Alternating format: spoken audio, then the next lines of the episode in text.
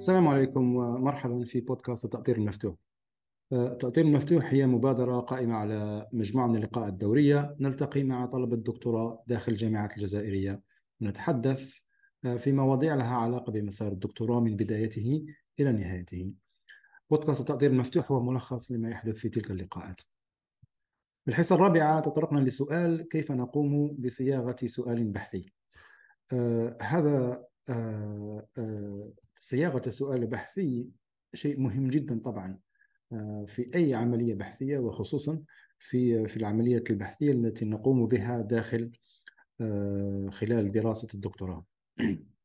بالنسبة لي أقول أنه أي أي بحث أي بحث نقوم به آه، يمكن أن نحكم عليه ولا نقيمه ولا نقيم الجودة تاعه باعتبار على الأقل خمس أعمدة رئيسية. البحث يجب أن يكون عملا له صلة بأسئلة الساعة ما يقدرش يكون بحث هكذا في الفراغ لازم يكون متصل بما هو موجود في ميدان معين. يجب أن نطرح سؤالا بحثيا يعني آه، موافقا لتلك الصلة له علاقة بتلك الصلة. يجب أن نتدرب على آه، المنهجية الملائمة للإجابة على ذلك السؤال وعلى تطبيقها بصرامة ودقة ثم يجب أن نوثق البحث ونتائجه آه، بطريقة جيدة. آه، وفي الأخير علينا كذلك أن ندافع ونناقش آه، ذلك البحث بالأدلة وندافع عليه. السؤال البحثي هو أحد الركائز الأساسية وكذلك هو ما يوصل يعني بين الأعمدة الأربعة الأخرى. لما نطرح سؤال بحثي جيد ولا نطرح سؤال بحثي بطريقة جيدة رانا نتأكدوا باللي البحث اللي نقوم به فعلا سيكون له علاقة وله صلة وثيقة بأسئلة الساعة وفعلا راح يكون عنده آه، منهجية ملائمة مطبقة بصرامة ودقيقة للإجابة عليه ثم تأتي البقية. فهكذا يجب أن نفكر في السؤال البحثي ومكانته في الأعمال البحثية سواء في في بحث واحد قائم بحد ذاته أو في دراسة الدكتوراه بصفة عامة. إذن في هذه الحصة تطرقنا إلى شيئين. قلنا أولا نتكلم على ما هي آه، نعطي لمحة على خطوات تشكيل السؤال البحثي ثم ثم نتحدث ونتأمل فيما يجعل سؤالا بحثيا سؤالا ذا جودة. في خطوات تشكيل السؤال البحثي آه، أول بأول هذا هذا يأتي دائما في خصوصا في بدايات الدكتوراه و يعني الطالب راه يتمرن ويتدرب ويتمرس على أن يكون يعني باحثا هكا مستقلا. ففي البدايات يشكل عليه يعني ما كيف أطرح سؤال بحثي؟ ما هي ما هو الفرق بين السؤال البحثي والموضوع العام اللي راني نخدم فيه. يجب أن نفرق بين الموضوع العام للدكتوراه والسؤال البحثي الذي يقود الأعمال البحثية داخل الدكتوراه. فأنت لما تنطلق في عملية الدكتوراه سواء أحيانا التحقت بمشروع معين هو يعني في هذا الموضوع العام البحث أو يعطى لك موضوع أو تختار موضوعا عاما لكن داخل هذاك الموضوع يجب أن نبدأ في صياغة أسئلة بحثية معينة محددة ودقيقة للقيام بالعملية البحثية. إذا الخطوة الأولى هي أنك تختار هذا الموضوع سواء تختاره مباشرة أو آه، أختير لك ولا ولا ولا, ولا آه، انضممت إلى هذا المشروع اللي عنده موضوع معين وما إلى ذلك. الخطوة الثانية هي أنك يجب أن تقوم بأبحاث أولية في داخل هذا الموضوع. والأبحاث الأولية هنا تختلف باختلاف الاختصاصات. أحيانا الأبحاث الأولية نقول أنها آه، القراءة في المنشورات العلمية التي نشرت في هذا الموضوع. هذا نوع من البحث الأولي. تبدأ تقرأ هكذا. أحيانا أخرى هذا لا يكفي. يعني تقرأ وكذلك يجب أن تقوم تقوم بعمل تطبيقي هكذا أولي بايلوت ستادي هكذا دراسة أولية نموذجية سواء هذه محاكاة ولا عملية رياضية معينة ولا ولا تجربة آه، مباشرة. إذا عمل آه، بحثي أولي بالإضافة للقراءة الأولية تساعدك على ماذا؟ على أنك تحدد جزئيات معينة بالتركيز عليها داخل هذا الموضوع العام.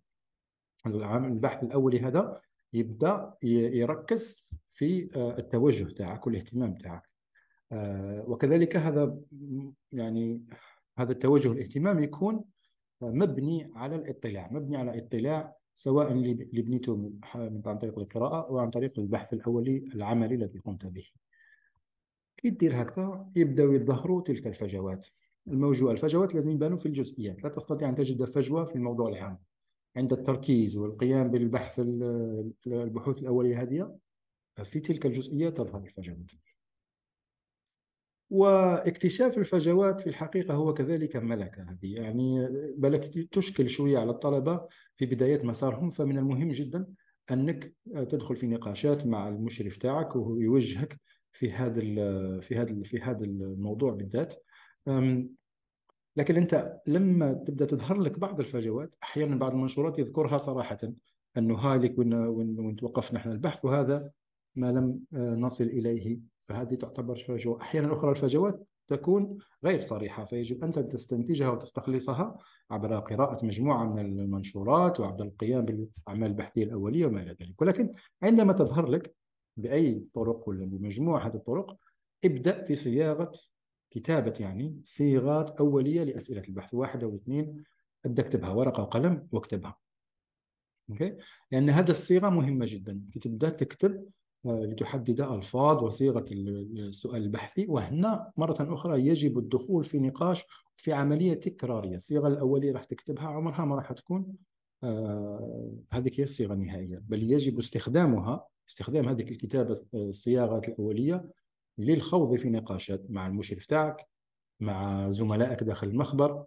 آه، ممكن راك رحت الاجتماع علمي ولا مؤتمر ولا التقيت مع ناس تخدم في هذاك الموضوع تناقشهم في في أسئلتك وفي الأسئلة البحثية اللي تتطرق فيها وتبدأ تكرر وتجتر وتنقح هذه الصيغة حتى تصل إلى آه، الصيغة النهائية للسؤال. فهذه بصفة عامة ممكن نقول خطوات تشكيل السؤال البحثي. ليس هناك وصفة هكذا دقيقة تتبعها وخلاص يخرج لك السؤال البحثي وحده هكا. آه، ولكن هناك خطوات عامة يمكن أن نلخصها في في فيما فيما اقترحت الآن. طيب. راك وصلت لصيغة نهائية تاع سؤال بحثي. عندك صيغة نهائية عبر تلك الخطوات وصلت له. كيف تعرف ولا تقيم أن هذا السؤال البحثي جيد؟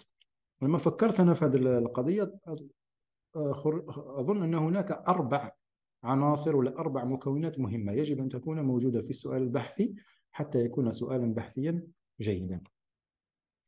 وهذه المكونات الأربعة اللي راح نقترحها عليكم يعني متداخلة في بين بعضها ما نقدرش نفصلوها تماما ولكن أظن أنه ممكن أن نفكر في جودة السؤال البحثي عبرها.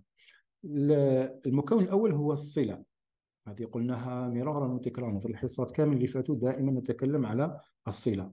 وثاقة الصلة تاع السؤال البحثي تاعك مع ما هو موجود. السؤال البحثي يجب أن يكون موجها نحو تلك الفجوات التي اكتشفتها. السؤال البحثي يجب أن يكون سؤالا مثيرا للاهتمام ومهم. يعني لما أنت تطرح هذا السؤال على أشخاص يعملون في هذا المجال فنقول والله غير هذا سؤال مهم. لا نعرف لا نعرف الإجابة عليه ونريد أن نعرف الإجابة عليه. هكا باش تقدر تقول باللي آه، العمل البحثي اللي راح تقوم به سينتج عملا أصليا فهو يكون إذا آه، ذا صلة وثيقة مع ما هو موجود موجه نحو الفجوات ومهم ومثير للاهتمام. هذا المكون الأول. المكون الثاني هو ما أطلقت عليه هنا النطاق. آه، السؤال البحثي النطاق يجب أن يكون آه، آه، يكون بحيث أنه يركز نطاق البحث. فلا يكون نطاقه واسعا جدا بحيث الإجابة تكون مبهمة أو غير قابل للإجابة أصلا شغل يكون مبهم جدا وواسع جدا. ومن ناحية أخرى ما لازمش يكون مركز جدا هذا النقاط تاع البحث بحيث يصبح تصبح الإجابة عليه بسيطة بنعم أو لا مثلا. فالنطاق يجب يكون متوازنا ليس واسعا وليس مركزا جدا بل يكون يكون مركز ومحدد بحيث يحافظ على يحافظ على تركيبية الإجابة عليه. يكون سؤال مركب. مركب ومركز محدد مع مراعاة التوازن بين هذا سعة النطاق والتركيز المفرط. نعم فالنطاق إذن هو المكون الثاني.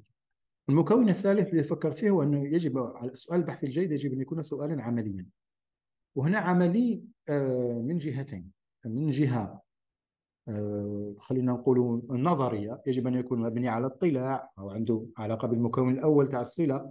يجب أن يكون عمليا أنه خاض هذيك العملية التكرارية. ماشي طلعت لك الصيغة الأولى فقط لا دخلت فيها في نقاش وعاودت نقحت الصيغة من ذلك هذه من ناحية خلينا نقول نظرية فعملي هكذا. ثم عملي من الناحية المادية أو المواردية. يعني أنت آه، في الجامعة اللي راك فيها ولا في المخبر اللي راك فيه تطرح سؤال بحثي وليس لديك الموارد للإجابة عليه. هذا ليس سؤالا بحثيا عمليا. يعني ما راحش تقدر تجاوب عليه لأنه ليس لديك الموارد أصلا. فلن تستطيع أن تنتج معرفة. بغض النظر على أنه له صلة ومهم ومركز ومحدد ومركب بصح عمليا الموارد غير متوفرة. إذا الجانب العملي هذا سواء من الناحية النظرية أو من الناحية المادية أو المواردية مهمة جدا كذلك. المكون الرابع هذا مهم جدا هو الصيغه تاعو صيغة وصياغة السؤال البحثي هذه الكلمات والمصطلحات التي تستعملها لصياغته هذه يجب أن تكون دقيقة يجب أن تكون موجزة غير مفرطة يعني ما فيش هذاك التكعرير هذاك. موجزة ودقيقة وواضحة المصطلحات. كيف يعني هكا واضحة المصطلحات؟ ماذا نقصد؟ نقصد شيئا واضحا جدا نحن كذلك. الصيغة دقيقة وواضحة المصطلحات بحيث تكون موافقة للمنهجية اللي راح تستعملها موافقة للتصميم البحث التي راح تستعمله لكي تجيب على ذلك السؤال. يعني أن لما أقرأ صيغة السؤال البحثي ديالك أفهم تلقائيا ما هي المنهجية التي تستخدمها ما هي ما هو تصميم المنهجية التي تستخدمها تستخدمه للإجابة عليه. وهذا المكون الرابع. إذا هذه أربع مكونات التي تجعل السؤال البحثي سؤالا جيدا. فالصلة بما هو موجود مثير للاهتمام مهم وأصلي. النطاق ليس واسعا جدا بحيث تصبح الإجابة عليه مبهمة وغير واضحة وليس مركزا جدا بحيث الإجابة تصبح بسيطة بنعم أو لا مثلا. أن يكون عمليا آه، سواء من الجانب النظري أو من الجانب المادي والمواردي وصياغته تكون صياغة دقيقة وموجزة ومصطلحات واضحة بحيث توافق آه، المنهجية والتصميم البحث الذي ستتبعه للإجابة على ذلك السؤال. آه، في حصتنا أخذنا بعض الأمثلة وتكلمنا مع الطلبة أعطونا بعض الأسئلة البحثية التي يعني عملوا عليها هم حاليا وحاولنا تنقيحها وتقييمها باعتبار هذه المكونات الأربعة. آه، فهذا مثال قلت ربما نطرحه هنا حتى تتضح الأمور ما تكونش هكذا مجردة كثيرا. فهذا سؤال نقول مثلا آه، مثلا أنت تعمل في الموضوع العام هو آه، تهتم بدراسة مواقع التواصل الاجتماعي والتفاعل داخل مواقع التواصل الاجتماعي وأثرها على سلوك الفرد أو الجماعات. يمكن نطرح سؤال نقول كيف تؤثر مواقع التواصل الاجتماعي على السياسة وعلى أو على السلوك السياسي أو على السياسات؟